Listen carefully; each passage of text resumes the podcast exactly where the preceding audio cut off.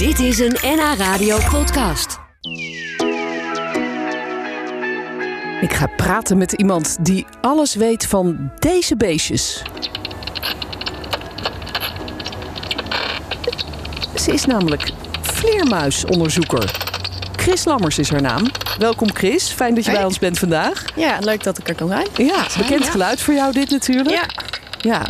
Is, is deze tijd, de zomer, voor jou als eh, vleermuisonderzoeker nou een drukke tijd of, of juist niet? ja, zeker. Juist het eh, drukst. In de winter zijn ze meestal juist eh, niet echt actief. Dus in de zomer dan kunnen we de verblijfplaatsen zoeken. Oh ja. En dan van mei tot en met... nou ja, wel enige tussenpauzes. Maar tot en met september ehm, ja, zijn we wel veel, veel op pad. Ja, ja. En daarna dan gaan ze op een gegeven moment natuurlijk in winterslaap. Maar Ja.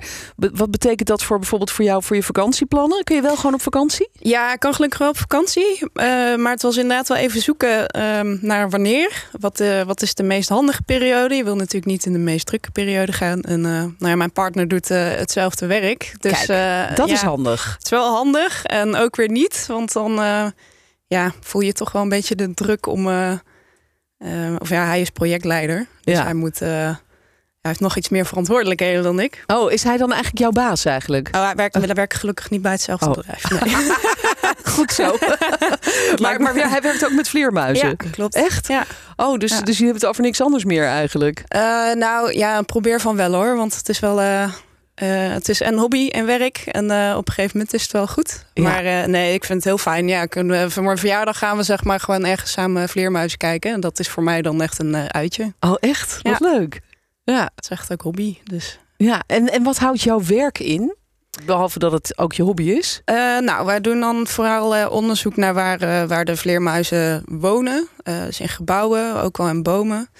Eh, en hoe ze gebruik maken van de ruimte. Dus of zij bijvoorbeeld een bomenrij gebruiken om zich te verplaatsen. En eh, eh, welke gebieden ze gebruiken om te fourageren, om te eten. En dan kijken we hoe, ehm, eh, ja, wat, er, wat er in het gevolg moet gebeuren. Om dat of te behouden of een alternatief aan te kunnen bieden. Ja, maar moet je dan eh, veel s'nachts werken? Want het zijn echte nachtdieren, toch? Ja, ja zeker. Het is, we starten met eh, zonsondergang. En dan eh, werken we twee à drie uur. En dan 's ochtends eh, twee, uur, twee à drie uur voor zonsopkomst. Oh, maar dan is het dus Ja. helemaal handig dat jouw partner ook in datzelfde soort Ja. werk zit. Want Ja. die weet dus precies hoe, het, eh, hoe dat werkt met dat ja, schema. zeker. En dan tussendoor even een kopje thee samen drinken. En dan s ochtends gewoon kunnen we allebei naar bed. Gewoon slapen. Ja. Jeetje, maar, maar dan heb je op een gegeven moment echt een soort omgekeerd dag- en nachtritme. Ja, dat is, ja, dat is wel heftig hoor. Dus eh, wat dat betreft is het goed dat het meestal maar een paar dagen of een paar maanden eh, duurt. Want op een gegeven moment dan hou je het niet meer vol. Nee, heftig zeg. Ja. Ja, en, en je werkt met een zogenaamde beddetector. En die heb je gelukkig ook meegenomen. Ja, ik heb hem even bij me, inderdaad. Wij gebruiken deze op werk. Ehm, die is wel ehm, ja, is heel fijn, want die geeft ook beeld. Dus dan kun je nog, eh, behalve dat je het geluid dus kan horen, eh, kun je ook zien wat je hoort. En kun je eens beschrijven hoe die eruit ziet? Want je hield hem net even omhoog voor de webcam. Mensen Ja. kunnen meekijken via nhnieuws.nl of nhradio.nl. Maar eh, de mensen die, eh, die dat niet hebben, die, die willen natuurlijk ook weten hoe ziet dat er nou uit. Voor mijn gevoel is het een soort klein computerspelletje. Zo'n Ja, kastje ja, om ja deze zien. wel. Normaal, of de meeste beddetectors hebben dat niet. Die hebben niet een scherm. Hij heeft in elk geval dus echt een goede microfoon. Die, die zit hier bovenop. En eh, deze heeft dan dus allerlei functies ook. Meestal kun je wel eh, ermee opnemen. En je kan de frequentie instellen. Want vleermuizen stoten dus een heel hoog geluid uit... wat je normaal dus met het blote oor niet hoort. Eh, en dit kastje zorgt er dus voor dat dat wordt omgezet naar voor ons hoorbaar geluid. Ah ja. Ehm, en daaraan kun je vaak de soort herkennen ehm, en wat ze aan het doen zijn. Of ze bijvoorbeeld aan het jagen zijn. Of dat ze soms zijn ze naar elkaar aan het roepen, sociale roepjes. Oh Kun ja. je ook nog wel eens met het blote oor horen.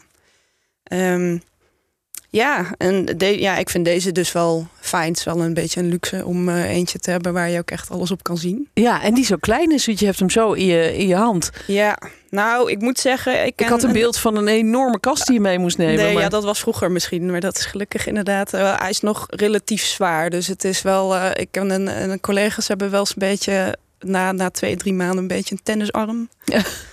Want, ja, je staat wel de hele tijd mee er te, ja, niet schijnen, maar wel te richten. Ja, Dus, echt eh, om het geluid op te vangen ja, is het dus. En, het geluid en vangen. eh, dat geluid wat ik net liet horen, eh, ik heb, ik heb nog, nog zo'n soort eh, geluid.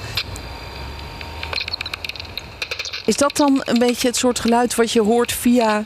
Ja, je Die hebt, eh, ik denk dat dit gewoon een dwergvleermuis is. En maar ja, je, hebt je hebt heel veel verschillende soorten dus. Je hebt in Nederland 17 soorten. 17? 17, Zo. ja. En die gebruiken allemaal eh, een vorm van echolocatie. Eh, ze klinken allemaal net een beetje anders. Ja, ja. Maar Ja. je hebt onderhand wel een beetje leren onderscheiden wie wie is, zeg maar. Wel, welke Ja, soort, hoe meest- klinkt. Ja, meestal wel. Ook niet altijd. En dan hebben we dus de mazzel dat we het kunnen opnemen... en dan later met een programma ook nog terug kunnen kijken, luisteren. Of het klopt. Of het klopt. Ja. ja, en soms kom je er gewoon niet achter. Dat, eh, dat kan ook. Ja, dat, Dat- kan natuurlijk ja. ook. Dan blijft het een mysterie. Maar, Ja. maar en, je, en je hoort dus ook wat die beesten precies aan het doen zijn. Want ze hebben dan een verschillend roepje. Dus dat geluidje wat, ik, wat ik net liet horen, wat, wat, wat betekent dat? Wat, wat zijn deze aan het doen, denk je? Ja, deze zijn aan het, eh, aan het forageren. Die zijn eh, Aan het eten. aan het eten. Dat ik het goed kan horen, ja. Ja, wat grappig. Nou, bijzondere, bijzondere baan lijkt me. Niet Zeker. alleen de werktijden, maar ook gewoon het soort werk wat je doet. Ja. We horen er zo nog eh, wat meer over. Over het onderzoek dat Chris Lammers doet naar vleermuizen. Ik praat nog even verder met onze beddetective, vleermuisonderzoeker Chris Lammers. Eh, zij heeft haar beddetector meegenomen. En dat is het apparaatje waarmee je eigenlijk eh, ja, die hele periode van het voorjaar tot en met het najaar te vinden bent s'nachts op allerlei plekken in en om Amsterdam vooral. Ja. Om te kijken waar zitten die vleermuizen, wat zijn het voor vleermuizen en wat zijn ze aan het doen. Ja. Eh, hoe is dat eigenlijk zo gekomen dat je vleermuisonderzoeker werd? Is dat een speciale opleiding of hoe zit dat? Nou ja, je hebt er wel eh, enige training voor nodig. Ehm, maar ja, in principe, ik ging op zoek naar een baan in de ecologie. En vleermuisonderzoekers zijn in de zomerperiodes altijd heel erg nodig. Ehm, dus zodoende ben ik eigenlijk eh, erin gerold. Ja. En eh, het heeft me zo, eh, ja, zo gevat dat ik eigenlijk da- daar echt heel veel mee bezig ben. Zowel, nou ja, dus vooral in dit seizoen. Ehm, maar ik probeer er ook wel in de winter zoveel mogelijk mee bezig te zijn. En bijvoorbeeld door het boomklimmen ook verblijfplaatsen te zoeken in bomen. En, en bezig met geluidsanalyse enzovoort. Ja, ja. Via vrijwilligerswerk, ja. En ook nog. Dus naast Ja, je baan nog. ook nog vrijwilligerswerk Ja. voor de vleermuizen. En wat is het dan wat jou zo fascineert of raakt in die vleermuis?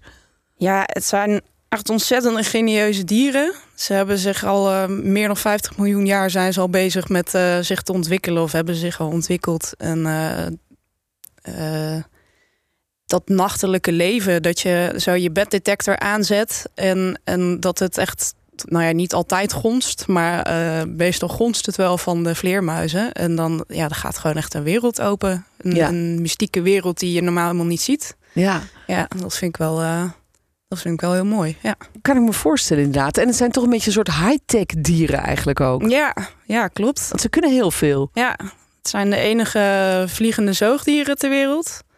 Eh, ze eten ontzettend veel muggen per nacht. Eh, er worden ook echt vanuit de luchtvaart wordt er naar gekeken hoe vleermuizen vliegen, omdat ze elkaar grotendeels altijd kunnen ontwijken. En eh, hoe ze dat doen met die echolocatie. Ja.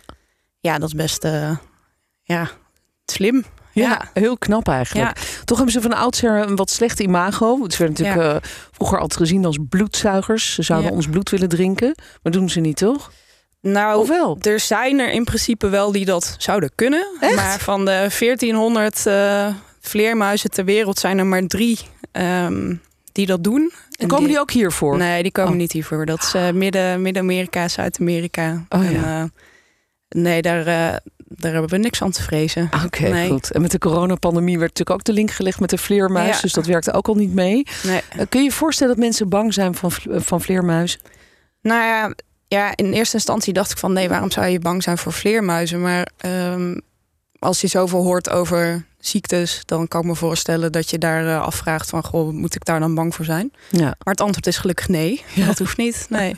Geruststellend om te horen, want ze vliegen ook vaak rond op mijn flat in, eh, in Amsterdam-West. Ik vind dat altijd heel bijzonder. Maar is het dat ook? Of zitten er gewoon heel veel vleermuizen in Amsterdam? Want jij doet veel onderzoek in Amsterdam, hè? Ja, nou ja, er zitten zijn zeker wel veel vleermuizen in Amsterdam. Ze zitten eigenlijk gewoon overal door heel het land en eigenlijk bijna over heel de wereld. eh, behalve op de Polen. Uh, maar in Amsterdam zeker. Er zijn uh, zeker 11 van de 17 vleermuissoorten van Nederland komen ook in Amsterdam voor. Is dat eigenlijk niet gek? Ze moeten ze niet gewoon ergens in een grot hangen? Ja, bij voorkeur. Maar ja, die, uh, als alternatief zijn het inderdaad de woningen die wij bouwen en ja, gebouwen. Ja. ja. En waar zitten ze dan? Nou, ze zitten heel vaak in de spouwmuur. Oh. Ehm, ook wel op zolderruimtes.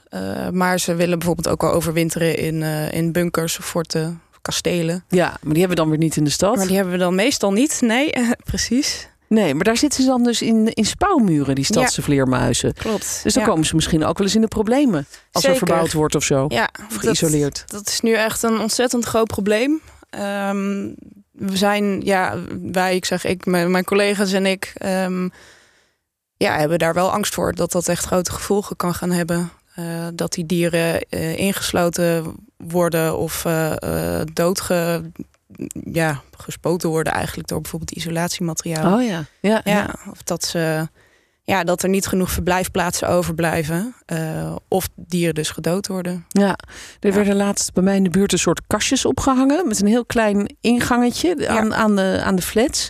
Toen dacht ik, zou dat ook voor vleermuizen kunnen zijn? Of is dat misschien meer voor zwaluwen? Uh, kan allebei. Als het een, uh, meestal als het meer een spleetje is, dan is het voor vleermuizen. En meestal met een rond gat is dan voor bijvoorbeeld gierzwaluwen. ja.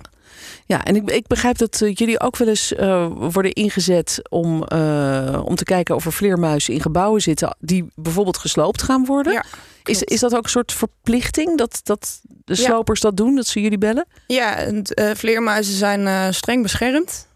in Nederland. Dus eigenlijk zou iedereen die iets aan zijn huis doet, ehm, ja, daar onderzoek naar moeten laten doen of er beschermde soorten aanwezig zijn. En dat kunnen vleermuizen zijn, maar dat kunnen ook uh, huismussen zijn of gierzwaluwen. Ja, ja. ja, oh, die zijn ook beschermd, die zwaluwen. Ja, we krijgen een, een, vraag van een luisteraar die zegt: Wij hadden afgelopen jaren uh, regelmatig dwergvleermuisjes in huis.